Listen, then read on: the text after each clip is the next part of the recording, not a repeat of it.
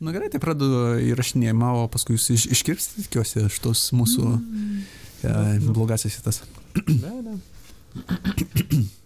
Sveiki visi, su jumis e, sako jum. Ne, O, a, čis. a, čia, iš, iškirpkite šitą. Ant pirmo iškart. Ne, Tai- ko- kokia čia ta pradžia geresnė buvo.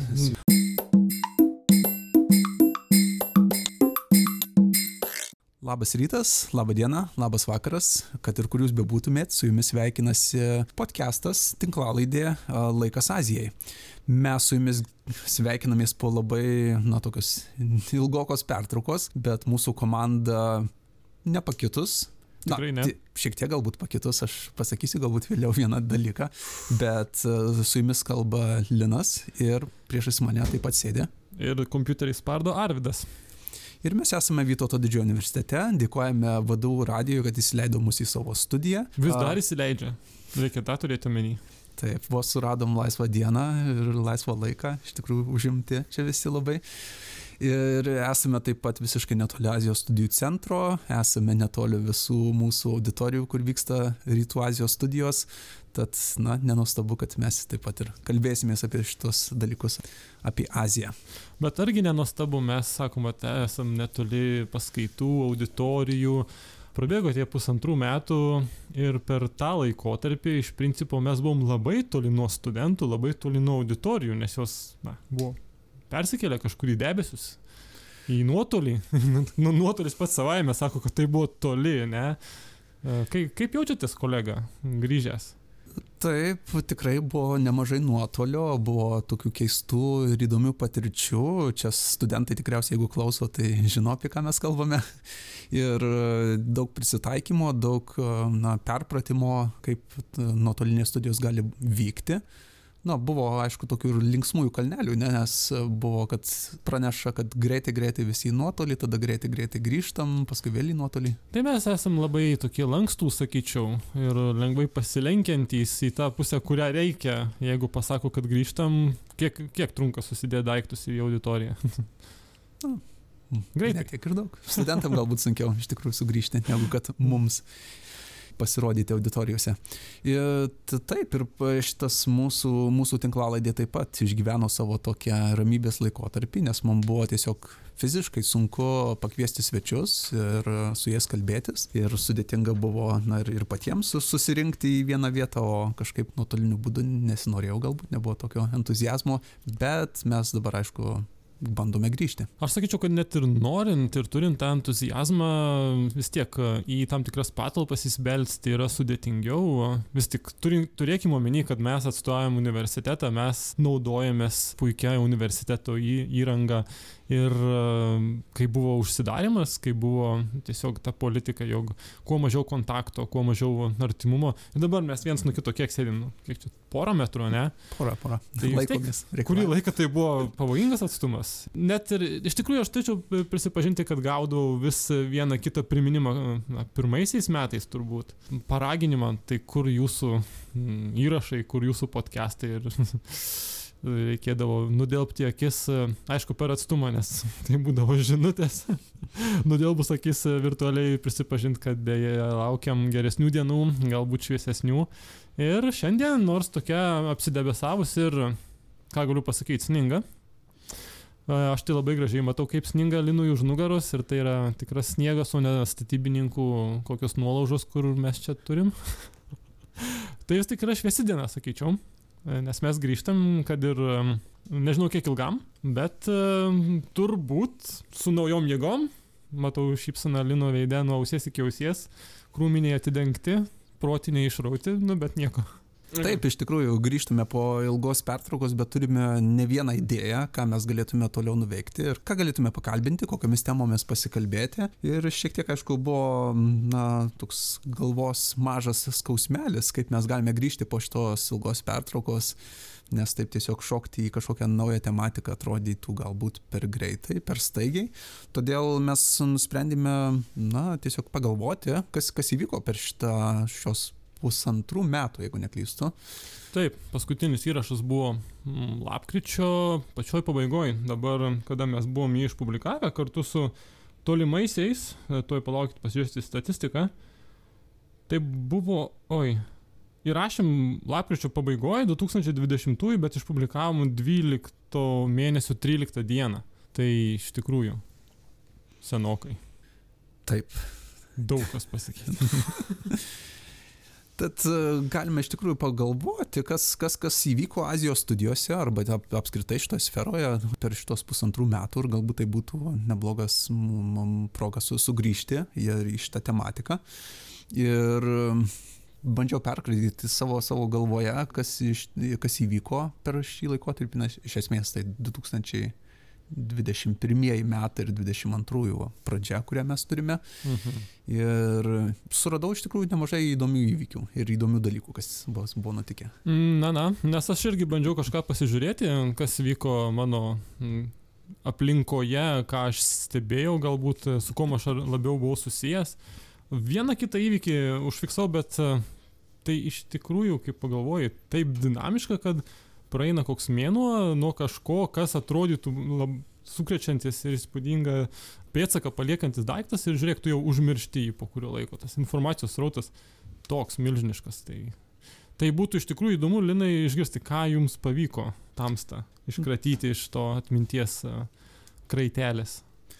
Na, tokiu atveju tada nežinau, ar, ar bus galbūt netgi Arvidą galėčiau pasodinti tokią karštą kėdę ir šiek tiek paklausinėti, ar jis atsimena vieną ar kitą dalyką. E, ir tuo pačiu tie, kas klauso, galbūt irgi juos sudomins e, na, kai, kai kurie tokios įdomybės, kurias aš norėčiau galbūt šiek tiek iškelti į paviršių. Ir pradėti norėčiau iš tikrųjų nuo labai didelių dalykų, nuo grandiozinių dalykų. O grandioziškiausi dalykai, kuriuos aš, e, kurie man atkreipė dėmesį, tai kad mes šventėm daug valstybinio lygio jubiliejų, taip galima įvardinti nes šiais metais ir praėjusiais metais ir netgi kitais metais mes turime datų, kuomet Lietuva užmesgė ryšius su Rytų Azijos šalimis arba įvyko kažkokie kitokie reikšmingi istoriniai na, jungtys tam tikros atsirado ir, ir yra švenčiami šimto metų jubiliejai diplomatinių santykių, yra švenčiami 30 metų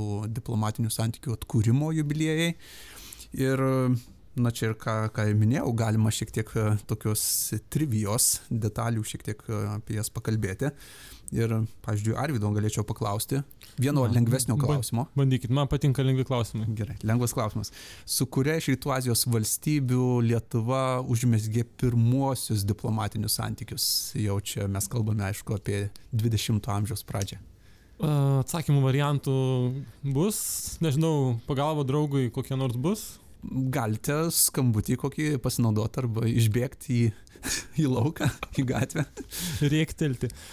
Jeigu tu sakai, kad tai lengvas klausimas, vadinasi, apeliuoji į mano tiesmuką mąstymą ir aš šaunu į Japoniją.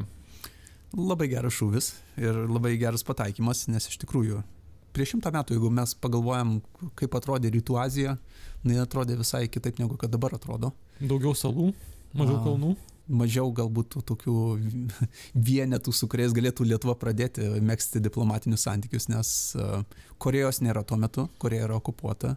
Japonijos. Apie Taivaną mes nelabai galim kalbėti, nes... Apie yra, Formozą galime kalbėti. Tai yra Kinijos Respublika, kuri taip pat su savais, na, yra aišku, Mančiūrija ir, ir kiti mm. dariniai. Bet e, taip, teisingas atsakymas yra Japonija. Japonija labai norėjo irgi taip pat mėgsti ryšius su įvairiomis pasaulio šalimis ir Lietuva. Dėkui, dėkui. Ir Lietuva tuo pačiu buvo jauna valstybė, kuriai labai norėjosi su didelėmis kitomis valstybėmis reikšmingomis užmėgsti santykius. Aš žinau, kad tamsta vis tiek pastaruoju metu šiek tiek kapstotės šitoje sferoje, būtent Japonijos ir Lietuvos ankstyvieji diplomatiniai santykiai. Gal vat kokių jokingų faktų turite? Jokingų būtent. Aha. Jokingas. Na, aišku, juokas yra labai subjektivus dalykas. Ir kas nusprendžia, kas yra juokinga. Šitą frazę iš Jokerio paskutinio filmo. Tai vat, nežinau, kas bus juokinga mūsų klausytojams, bet vat, Linai, kas tave nustebino, prajokino, pralinksmino sužinojus? na, kad tokių grinai kažkokio juokingo, absurdiško fakto net ir dabar net kapstyčiau, dėja, gal nuliūdinsiu, bet bežvalgantis po, pavyzdžiui, tarpukario lietuvišką spaudą, Yra paminėjimų Japonijos įvairiuose kontekstuose ir iš įvairių pusių. Ir pavyzdžiui, yra, jeigu kalbant apie prekybinius ryšius, paminėjimų arba tokių kaip ir skelbimų, kad, kad štai bandoma į Japoniją įsiųsti kokią nors ten sviesto siuntą ir kad, kad lietuviškas sviestas atsidurs Japonijoje ir ten jis skaniai valgys.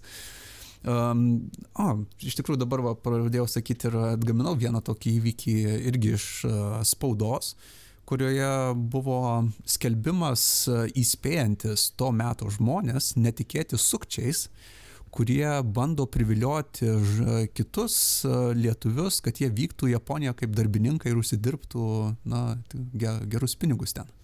Mm, gal atsimintum į ką jiems ten dirbti Japonijoje siūlė?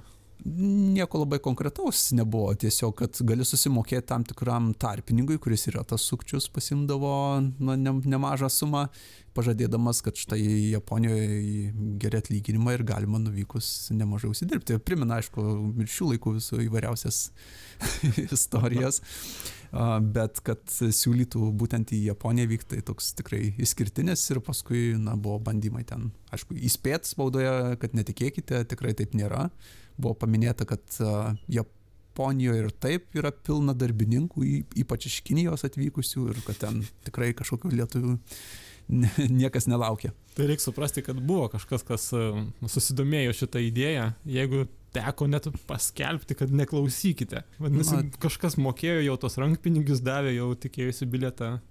Tikriausiai, tikriausiai kažkas nukentėjo savo pratuštino kišenės.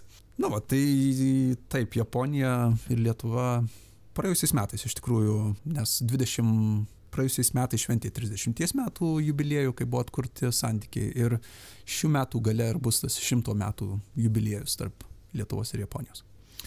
Tai realiai užtruko keturis metus japonams pripažinti Lietuvą jeigu taip paskaičiuosime. Taip, užtruko, nes aišku, tokių buvo neįspręstų klausimų, kur, kur Japonam nelabai ir kitom Europos šalim nelabai buvo aišku, kas čia gausis iš tos Lietuvos, ištrūkusios iš carinės Rusijos gniauštų, turėjusios problemų su Klaipėdos kraštu, su Vilniaus kraštu. Tik norėjau kitais, apie Klaipėdos kraštą užmesti, nes atrodo, jog Jeigu neklystu, e, Japonija buvo viena iš keturių šalių paskirtų administruoti e, tą Klaipėdos kraštą. Buvo prancūzai, japonai, kas dar prižiūrėjo?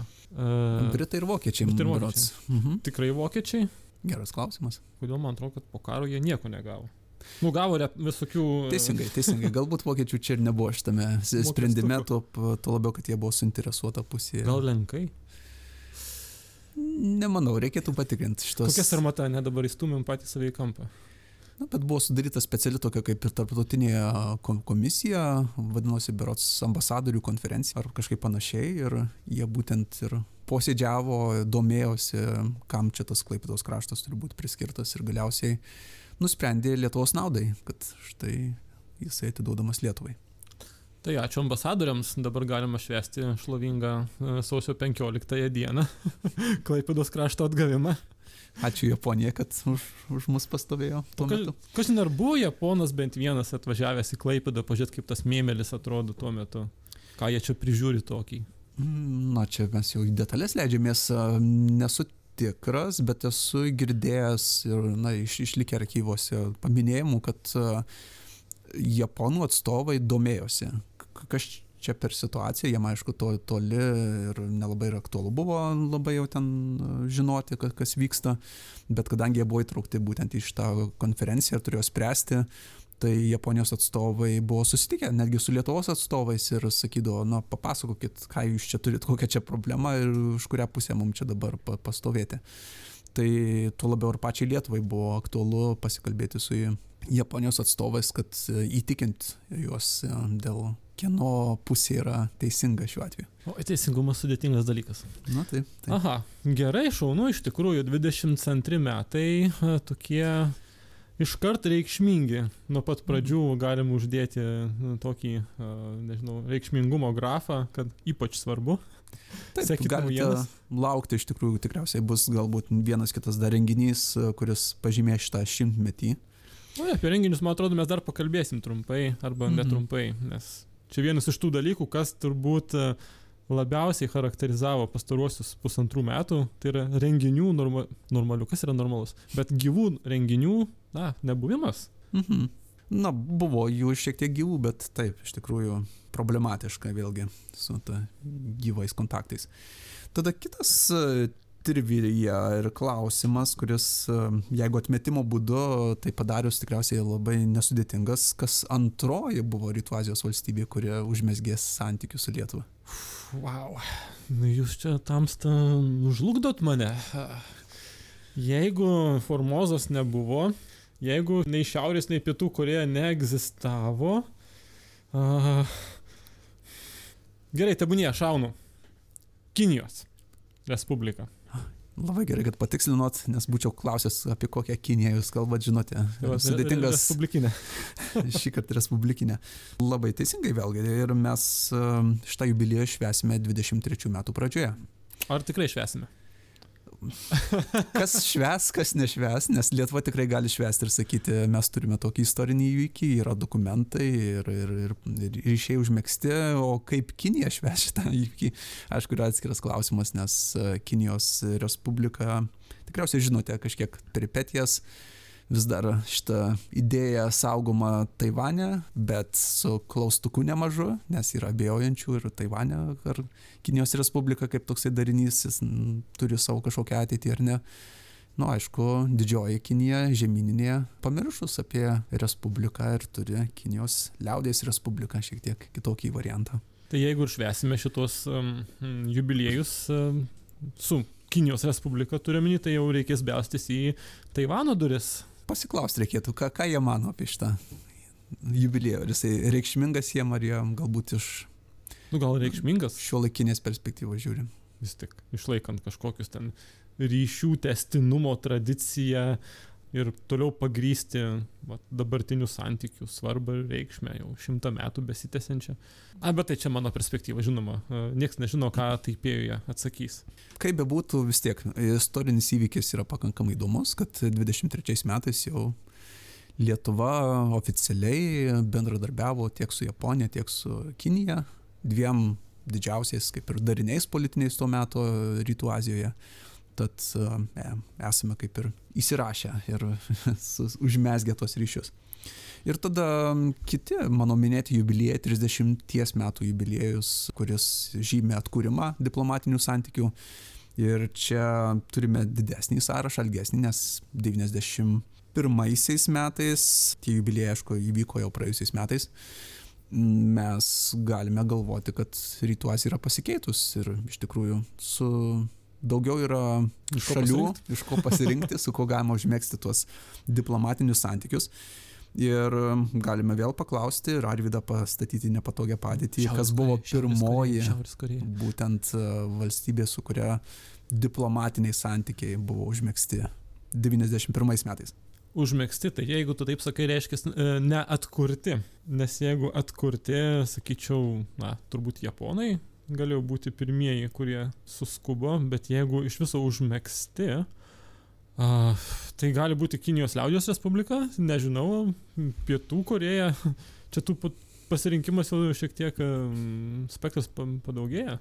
Užuomena gal galima?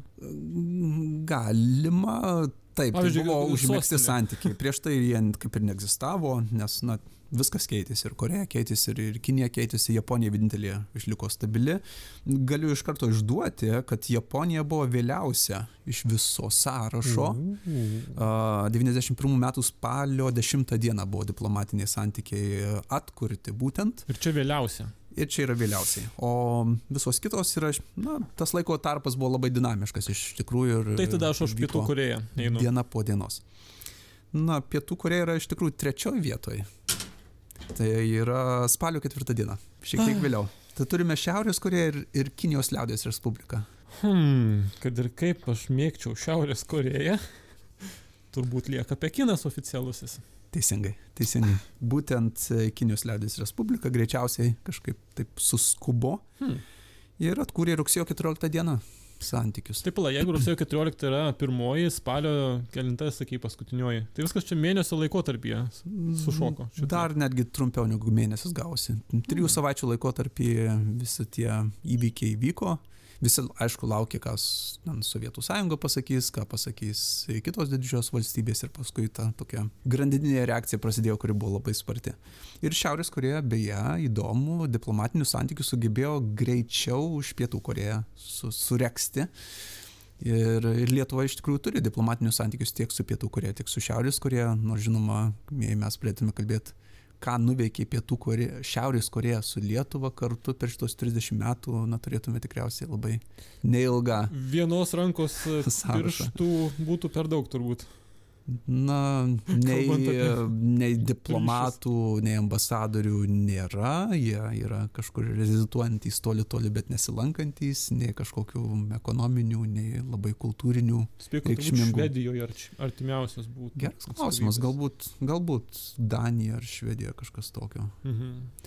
Tai nepaisant to, kad būtent ta trivija čia tokia hmm. dienų skirtumas, e, Šiaurės Korėja buvo pirmesnė, bet aišku, su Pietų Korėja vėliau viskas daug, daug labiau įsibėgėja. Smagu, nu, dėkui už, už pasidalinimą, dėkui už uh, Viktoriną, nežinau ar kažką laimėjau. Tai gerai, tai reiškia 2022, 2021 ir ateinantys 2023 iš principo yra jubiliejų metai kur nepažiūrėsi, gal turim progas e, švesti. Čia ne kasmet. Taip, ir jau švenčių įvykę yra iš tikrųjų ir čia galima pereiti prieš tų jubiliejų, prie, prie kažkokių konkrečių renginių, kurie yra įvykę jau pažymėti na, šitiem diplomatinių santykių įkūrimui arba atkūrimui.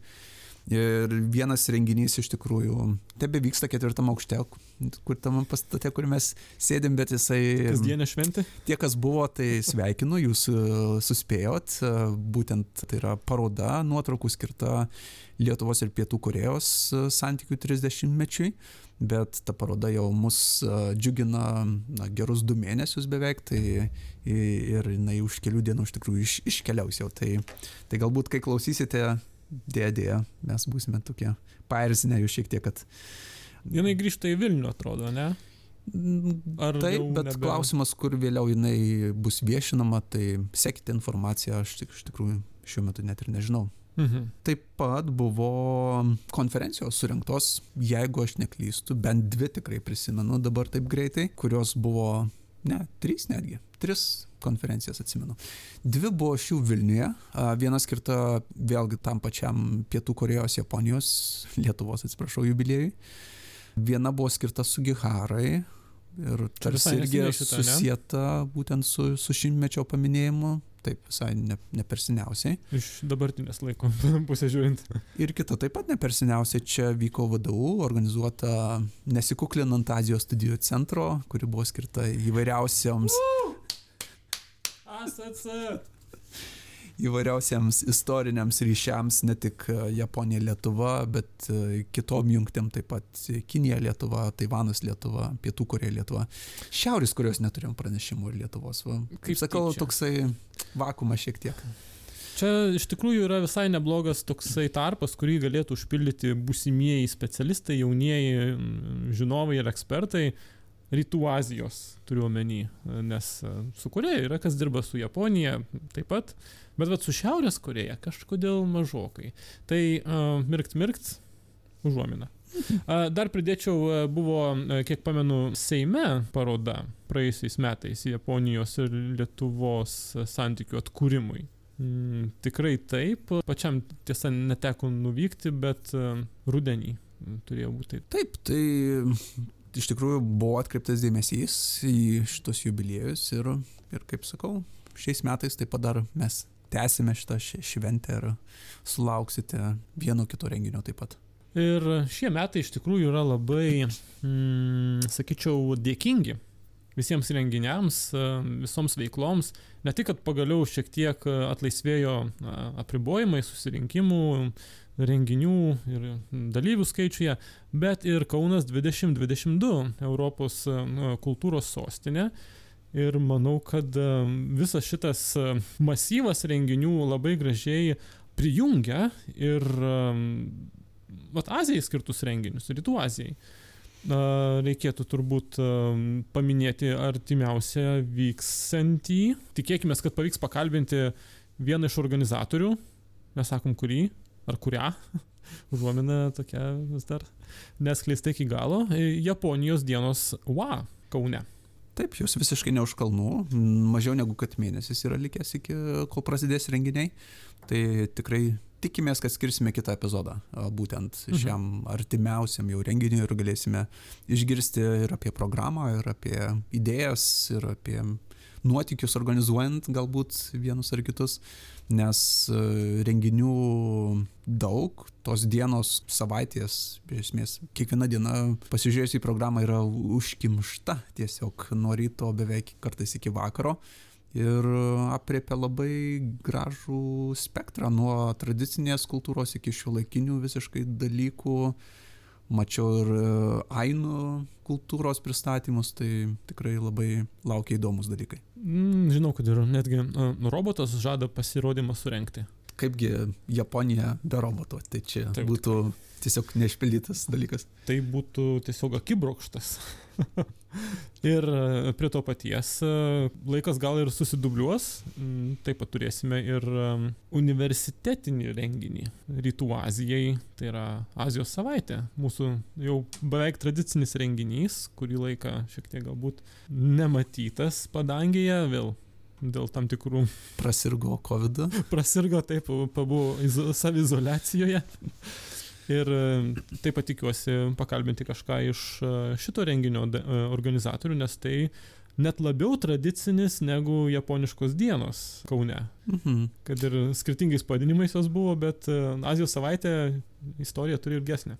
Taip, šiek tiek pralenkė ir savo gausumu ir kiek, kiek, kiek jau yra buvusių.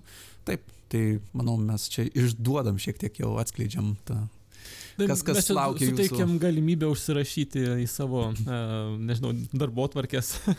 kas įvyks. Pasirezervuoti laiką.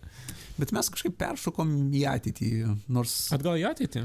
Atgal į ateitį, o turėtume, kas per praeisius pusantrų metų dar įvykę, gal, gal iš Olimpiados pusės. Olimpiada buvo. Čia ne iš mano pusės, čia tiesiog olim... dvi olimpiados, sako Linas. Rytų Azijoje, dvi olimpiados. Vat kas čia yra mūsų pagrindinis sporto specialistas. Dabar negreitų metų, man atrodo, bebus toksai sporto renginys e, didžiulis. Kažkaip ne, nesu tikras, ar kas nors belaimėjo teisę olimpiadą vieną. Ne, olimpiadą šiek tiek Aziją apleis. Le, leiskime atsitokėti. Taip, Pradėkime atsikvėpti. Taip, kiek galima. Iš tikrųjų, Azija atlaikė labai sudėtingų metų, abi olimpiados, tiek Tokijos, tiek, tiek Pekino žiemos. Pjongčangas dar prieš tai. Prieš tai buvo. Na tikrai ne pats geriausias metas olimpiadom, bet pavyko. Pavyko iš tiesų. Pavyko. Tai tokie grandioziniai taip renginiai. Ką mes turime dar Lietuvoje galbūt įvykusio per, per pusantrų metų? Ir aš galiu tokią temą dar, dar užduoti ir pabandytume mes ją galbūt irgi iš, išnarplioti. Bet aš pradėjau galvoti apie knygas išleistas, kurios būtų skirtos Rytų Azijai. Taip. Ir, ir iš tikrųjų, na, mes galim kalbėti apie vertimus, kurių pasirodė nemažai per šį laiką ir galbūt čia irgi idėja kada nors mum pakviesti kokį nors vertėją, pusirašau jau pats čia, tiesiog taip gimė mintis. Bet... A, aš užrašysiu už jūsų kalbėkit. Gerai, ačiū, kad, kad įvedat šitą informaciją. Bet jeigu mes, kadangi sėdime universitete, domintų labiau tokios akademinės, galbūt irgi knygos, jos rečiau pasirodo tokia realybė negu kad vertimai, bet mes turėjome per paskutinius metus pusantrų. Bent aš sugalvoju dvi tokias reikšmingesnės knygas. Na, na, aš vieną turiu omeny, mintį, uh, žiūrėsiu, ką jūs dar turite. Gerai, tai gal, gal sugalvosime tris. Viena yra šiek tiek iš anksčiau uh, ir jinai yra elektroniniu formatu pasirodžiusi knyga, uh, prie kurios prisidėjo mūsų dėstytojos Kajako Takagi ir Simona Kumpė ir išleido knygą, kuri yra kaip vadovėlis gidams kurie priima grupės e, atvykstančias iš Japonijos ir e, turi jomis pasirūpinti, sutikti oro uoste, nuvežti iki viešbučio, pasitikti ryte, keliauti visą dieną, palydėti vakarė atgal. Ir atsiranda įvairiausių situacijų, su kuriomis reikia susidoroti. Ir šis vadovėlis būtent ir skirtas, kaip kokias frazes, kaip mandagiai, kaip su įvairiausiais iššūkiais susidoroti. Tad šis vadovėlis pasirodė prieš metus, plus minus. Mhm, iš tiesų. Aš pakankamai gerai tą dar atsimenu, nes turėjau garbės prisiliesti prie jo rengimo aišku, ne iš mokslinės pusės, bet gal labiau iš tokios vizualiosios, būtinai pasižiūrėkit, paskaitykite. Ne, ne tik e, frazės, ne tik e, situacijos, tikrai labai įdomus ir e, išradingi užduočių blokai, žodinėliai pateikiami įvairaus lygio japonų kalbos mokovams. Mūsų iš tikrųjų kalbos specialistas tikrai pasistengė ir su ta mintimi, kad kada nors, galbūt, pagaliau vėl atgis turizmo sektorius, mūsų uh, neoficiali motina maitintoja, uh, taip, taip, VDU Alma Mater be abejo, bet yra ir turizmas Alma Pater, Taip kad su, su tom užmačiom, jeigu ratus reikia ruošti žiemą, galbūt visai prasminga jau ruošti tuos ratus ir dabar jau tepti po truputuką. Elektroninė versija tiesa prieinama Azijos studijų centro puslapyje. Nu, mes ją viešai dalinamės, kadangi tai Japonijos fondo projektas, jisai tikrai yra visuomeniai laisvai prieinamas. Taip, vadovėlio, aišku, pati idėja gimė ne COVID metais, tada atrodė viskas labai su augančią perspektyvą. Turistų skaičius iš Japonijos tiesiog e, didėdavo tūkstančiais kiekvienais metais, buvo berots beveik 25 tūkstančius pasiekęs, jeigu neklystu, 19 metais. Mm, gal net ir daugiau, nes vien Kaune buvo, e, atsiprašau, ne Kaune, vien Sugiharos muziejų e, lankė 20 tūkstančių O kur dar likusi dalis, kurie iki muziejaus nedavažiavo, ne, ne atsiprašau, nelietuviškai išsireiškus. Nes pagal turizmo departamento statistiką tikrai ten buvo skaičiai, man atrodo, iki, iki 30 netgi siekia. Va, tai tokios tendencijos atrodė labai palankios ir, ir tas vadovėlis, na, bandė atliepti būtent šitą poreikį, kad, kad kas priims tuos 30 tūkstančių turistų, kas juos suvaldys, juos, kas juos prižiūrės. Na ir aišku, norisi, kad atsirastų vietiniai gidai, vietiniai turų vadovai. Ir, ir tada atsirado COVID, kuris visus skaičius iš tikrųjų sumažino į dešimtim kartais kartų, nes berots 20 metais apie porą tūkstančių turistų jau ten, aišku, tik tai per sausį vasarį galbūt jie suvažinėjo. Praėjusiais metais irgi, na gal netgi triženklį skaičių jau perėjo statistika. Tad, tai tikrai, na, liūdnoka situacija. Svečius iš Japonijos? Taip, taip. Hmm, nu, triženklis skaičius jau čia labai optimistinis, sakyčiau. ne, aišku, buvo, buvo, mes patys turėję vizitų šiek tiek ribotų, kai pasirodydavo atsargiai su įvairiausiais apribojimais, bet pavykdavo atvykti svečių, tai tas įvyko, bet žinoma buvo labai sudėtinga visiems tos dalykus įgyvendinti. Tiesa, tai, tiesa. Tai vadovėlis, aišku, toksai su ateities potencialu, kad, kad grįšime mes prie tų didelių skaičių galiausiai vis tiek. Čia jokinga istorija iš tikrųjų, nes um, 20 metų a, pajamų deklaraciją reikėjo pildyti praeistais metais ir galvoju, oi kokie prasti metai. A, nieko aš čia neturiu supildyti, tiesiog spausiu kitas, kitas, kitas ir viskas bus automatiškai sutvarkyta. Ir aš tada žiūriu, grupės, turizmo grupės, 20 metais, iš kur pas mane grupės? Pasirodo dar sausio mėnesį ir vasario pačioj pradžioj turėjau gal ar dvi ar tris grupelės, kur čia pro Kauną biški pravedžiojau. Tai buvo toksai šokas, nustebimas, ta prasme, prasėdytų užsidaręs ir visiškai išsitrynė atmintis, kad dar buvo tie laikai, kad kažkas čia atvažiuodavo. tai, va, toks į, į, įdomus prisiminimas iš tikrųjų. Lūžio tas nu, taškas toksai, kur paskui jau net neprisimeni, kaip, kaip ten viskas. Tokia juodoji atminties skylė. Mm. Tai rekomenduojam, užeikite į asc.vdu.lt ir galite susirasti ir parsisiųsti, turėti savo skaityklėse, naršyklėse ar kažkur kitur tą vadovėlį. Kadangi tai PDF um, skaitys visi, forma, uh, visi renginiai jūsų. Mhm. Tokia reklama nedidelė. Taip. Ir kita knyga tada, jeigu leisite, ir paskui tą trečią, aš nežinau, aš jau išnaudojau. Nu, jau jūs čia einat virš limito, nežinau. E, nusikelkime į Vilnių ir Vilniaus universitete yra, dirba tikrai nuostabi japonų kalbos profesionaliai Dalė Švambarytė na, viena iš kūrėjų iš tikrųjų japonistikos Vilniaus universitete ir dirbant jau ne vieną dešimtmetį. Ir pasirodė visiškai neseniai na, monumentalus veikalas, sakyčiau, savo apimtimi ir, ir giliu, kuris vadinasi klasikinės japonų literatūros antologija. Ir šitas, šitą antologiją apima na, daugybę klasikinių tekstų, kurie dauguma jų didžioji dauguma yra pirmas iki pasirodo lietuvių kalba. Ir taip pat šitą knygą apima šiek tiek ir klasikinės japonų kalbos įvadą, tokį kaip ir padaro, gramatiką pristato ir kitus aspektus.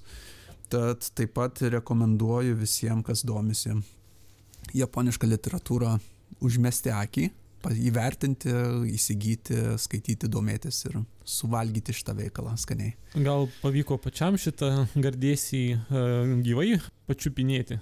Taip, taip, jis guli mano lentynoje jau ir tikrai toks, na, knyga viena iš didesnių mano kolekcijoje. tikrai sverinti nemažai, tikrai turinti daug turinio. Aš pats dar na, viso jo nesuvalgiau, tiesą sakant. Gerą nemažai, nemažai, bet po, po truputį tikrai užteks šitos knygos ilgesniam laikui. Ir aišku, vėlgi mes esame, aišku, tam skaitminėm amžiui galite susirasti šitą knygą ir PDF formatu, kuri yra parduodama oficialiai ir galite taip pat turėti tokią labiau nešiojamą versiją. Aš pasigirsiu, aišku, kažkiek kitas pakels karviai uodegą, jei ne jin pati. Mes su Simona gavome kopiją tiesiai iš gerbiamos docentės, skaitmeninę tiesa, kol dar jinai net nebuvo pasirodžiusi, kaip žinau, prekyboje. Tai iš ties turime savo asmeninėje bibliotekoje. Tad di, di, didžiai, didžiai dėkui. Norėjau sakyti didžiulis dėkui, bet supratau, kad tai yra kalbos klaida. Tai didžiai dėkui docentei. Įspūdingas darbas. Taip, iš tikrųjų. Tai dalio švambarytės galite tie, kas domisi, pasižiūrėti ir kitas knygas išleistas jau anksčiau. Japonijos istorija taip pat tikrai didžiulis įdirbis yra Tad e, linkime toliau tęsti darbus ir lauksime kitų leidinių. Taip. Ir e, čia iš tikrųjų mano tos dvi knygos, kurias norėjau iš, iškelti į paviršių.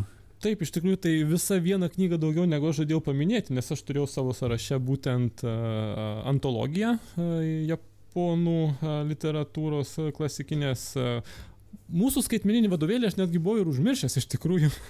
Kokia sarmata. Tai buvo toksai džiaugsmas e, tuo metu, kai jis buvo įgyvenintas projektas, kai jis pasiekė viešumą, tačiau vėlgi, kaip minėjau, tas informacijos rautas turbūt užgožė ir visi įvykiai tiesiog nubloškė e, mūsų tokį ne, kūdikėlį, šimto gal net lapų nesiekinti, į skaitmeninės paraštės. Na, aš tikiu, mes praleidome vieną ar kitą knygą nepaminėtą, atsiprašome, aišku, ko, ko nepaminime. Mm. Paragintume klausovus mūsų. Rašykite, klauskite, pas, pasiūlykite, ką mes turėtume, ta, turėtume aptarti, nes mūsų akys nors ir, kiek aš suskaičiuoju, keturios dabar, pas mane keturios paslina, bet tai aštuoniom akim ne viską sužiūrim. Tikrai sakykit, ką praleidom, tikrai bus įdomu išgirsti. Taip, ir tada dar, nežinau, jeigu Arvidas turi dar kažkokią aš dar vieną turiu punktą, kurį noriu paminėti. Aš turiu pasirašęs Squid Games. tai mes labai iš tikrųjų į panašų kryptimę galbūt e, judame apie, pakalbėti apie filmus arba, arba nežinau, vizualiką mhm. ir, ir kas, kas čia šitoje srityje įvyko naujo. Na taip, Squid Game buvo nuvilnijęs per, per Lietuvą ir ne tik. Ir aš pasižiūrėjau, bandžiau tą statistiką tokią peržvelgti bendrai globaliai kokie K-dramos, korietiškos dramos, korietiški serialai, kas čia būtų įspūdingiausi, tai Squid Gamesai, būtent tas, o kaip jis dabar išsiverčia lietuviškai, kalmarų žaidimas ar kalmarų? Galbūt, nežinau. Nėra dar, aišku, lietuviškai išversta ir tai gal nepasirodė. Ne, nedarkykime, būkim kaip jie, japonai, tiesiog sulietuvinkime Squid Gamesai. Squid, squido Game'as. Squido Game'as. Tai jis tikrai nėra kad būtų globaliai tarp topų. E, ta prasme, jis yra top, bet e, ne pačiuose aukščiausiuose, nes tai, kas e, pasirodė vėliau, kiti serialai, vėlgi buvo nemažiau populiarūs ir vat, įdomu, tuo metu, kai jis susilaukė tos globalios sėkmės, praėjo kiek? Ne metai. Mhm. Ir kažkaip tas visas hypas, nelietuviškai pasakius, susidomėjimas, vėlgi, nusmuko. O tuo metu tai buvo tiesiog šaltinis, ne, domėtis, kas vyksta toje Korejoje, kokios socialinės problemos, kartu pridedant ir parazito filmą, vėlgi iškeliant neligybę, visas iššūkius, kuriuos patiria paprastas korejietis, kodėl iš viso žmonės atrodytų e, turėtų dalyvauti tokiuose žaidimuose, net ir alternatyvioje, alternatyvioje realybėje, kokie sunku žodžiai. Tačiau tai atspindi tai, kas vyksta, e, tas problemas ir dabar kažkaip, vat, vėlgi, dingo. Bet čia galbūt yra populiariosios kultūros labai toksai esminis bruožas, e, kad tai yra labai dinamiška, labai besikeičianti ir greitai tuo pačiu suvartojama ir ne ką greičiau galbūt ir pamirštama kultūra, kuri tokia vartotojiška. A, dabar užmiršau tik tais autoriaus, kurėjo, menininko pavardę, kuris sakė, jog televizija tai yra kramtomoji guma akims. Sukramtai ir pašalinė. Užmiršti. Ir vėl alkanas, reikia kažko. Ir vėl kito. alkanas ir vėl paskui ieškai va, tokio greito, ne, nepriverčiančio per nelik mąstyti, ką čia kramtai, tiesiog tokio judesiuko. Ir tikriausiai reikia laiko perspektyvos, kad mes pagalvotume, kas tą dešimtmetį iš popkultūros labiausiai įstrigo ar labiausiai įtaką padarė. Mhm. Nes įdomu, kiek va būtent Squid Game liks toks, tokioje atmintyje, kiek buvo. Squido Gamesų. bet, bet geras iš tikrųjų pastebėjimas ir čia aišku, kad atsiranda socialinės kritikos populiarioje kultūroje, kas yra smagu ir paskatina domėtis kitais dalykais.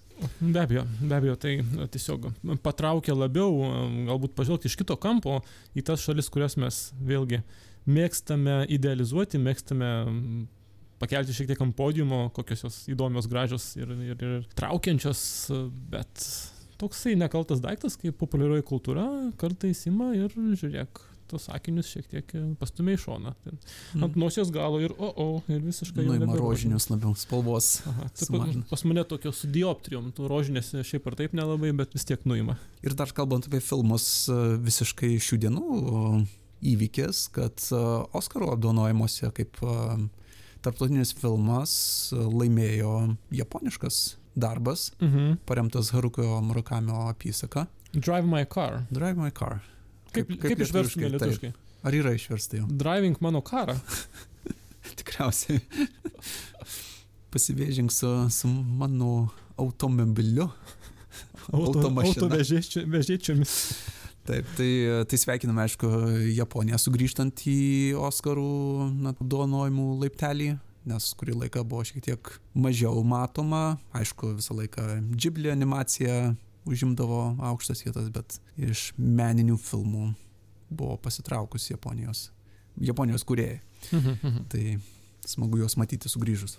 O Lietuvos padangėje žinau, kad e, praeitais metais e, atsirado vienas vat, iš mūsų kuriejų, ne mūsų, vienas iš kuriejų sėdi prieš mane, apie Sugihara, dokumentinis filmukas.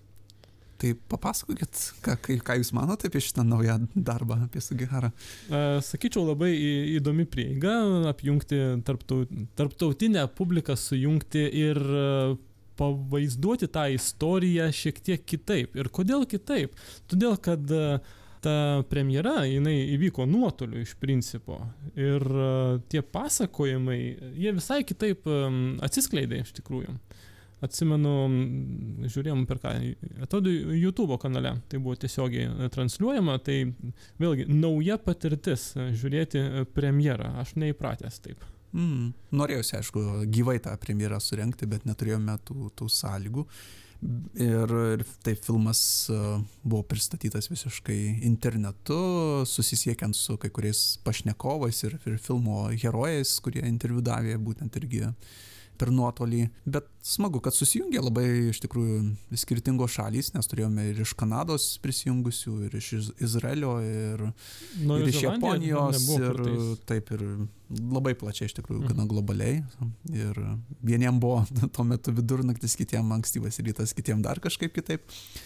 Ir, ir šiuo metu, aišku, iš, iš tikrųjų filmas yra jau paviešintas. Jūs galite, jeigu suvesite YouTube, gyvenimo vizos, drąsos jungtys, o galbūt tiesiog gyvenimo vizos užtektų, jums turėtų pasiūlyti pasižiūrėti 40 kelių minučių trukmės dokumentinį filmą, kuris būtent pasakoja apie pabėgėlius, kurie buvo išgelbėti dėka vizų, kurias išdavė visų pirma, aišku, Sugiharos istorija labiausiai žinoma, bet prisidėjo labai daug kitų žmonių prie viso tos kelionės ir šie žmonės galėjo tų gelbėtojų dėka pasiekti Japoniją ir vėliau įvairias kitas šalis. Mhm. Tai taip, šita dokumentika būtent irgi pasirodė, na, prieš metus, plus minus buvo premjerai Ir jeigu neklistu per japoniškasias dienas, taip pat mes galėsime stebėti jau gyvai susirinkę kino salėje.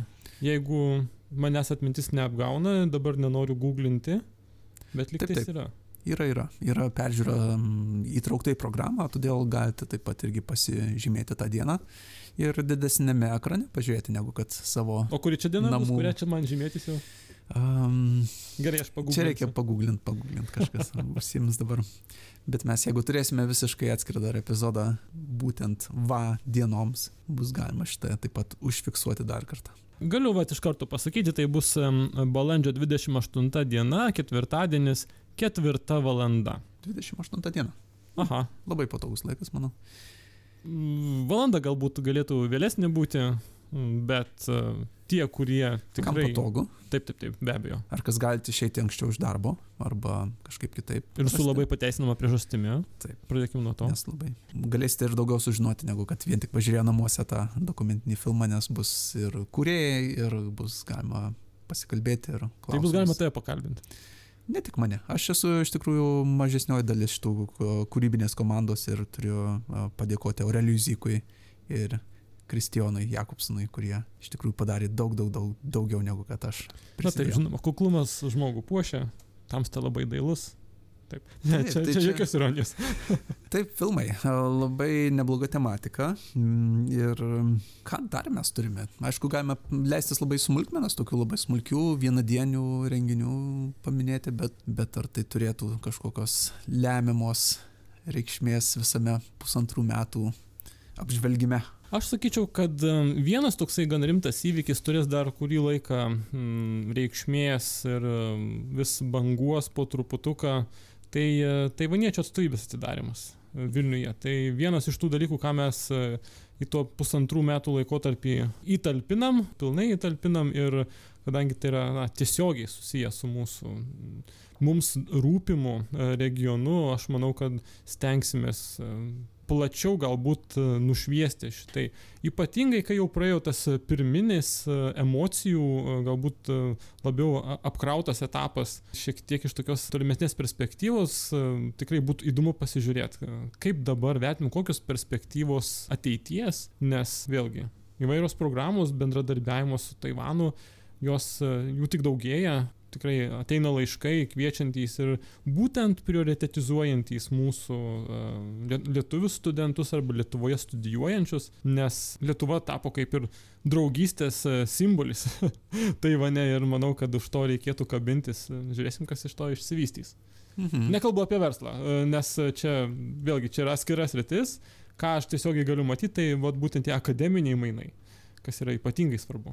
E, taip, ir čia aišku yra šiek tiek tokios uh, liūdnesnė tokia potekstė po visu šituo galbūt, kad uh, per šitos pusantrų metų ir daugiau netgi daugelis ryšių tiesioginių su Rytų Azijoje buvo sustoję, išaldyti. Ir čia, aišku, mes labiausiai jaučiame visą akademinį pulsą ir, ir tą skausmą studentų širdyse, veiduose ir, ir protuose, kad jie negali išvykti į Rytų Aziją arba su tam tikrom išlygom ir tam tikrais apribojimais, karantinavimais ir netgi nuvykus nuotolinėm studijom, kada mažiau yra kontakto ir susitinki. Kai kurios šalys yra visiškai užsidarę iki šiol ir, ir tiesiog daug yra prarasta laiko.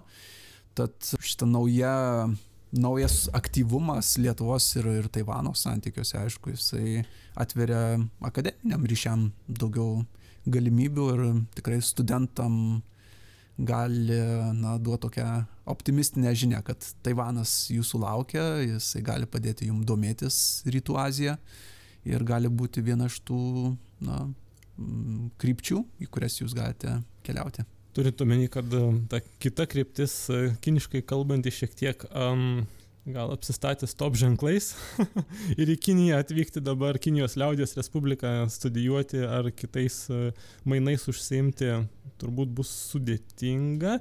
bent jau dabar yra sudėtinga, kiek bus sudėtinga, pažiūrėsim ateityje.